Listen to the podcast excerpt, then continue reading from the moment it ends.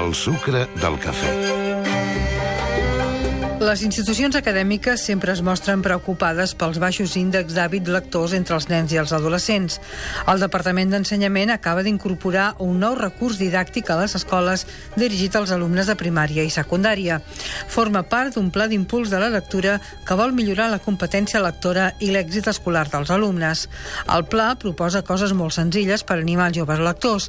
Per exemple, fer-se el carnet d'una biblioteca, portar sempre un llibre a la motxilla, llegir un llibre al germà petit o fer un blog per recomanar lectures.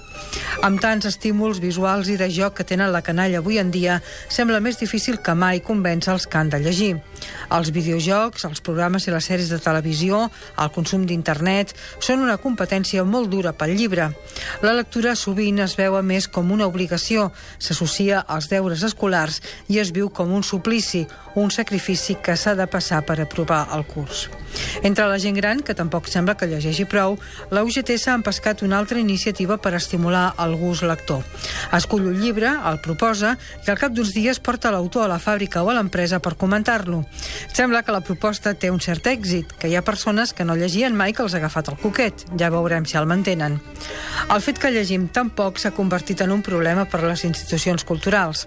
Potser ens hauríem de preguntar si realment és cert que llegim poc o és que llegim a les pantalles i no als llibres. O potser és que s'ha de trobar el tipus de lectura adequat per cada persona.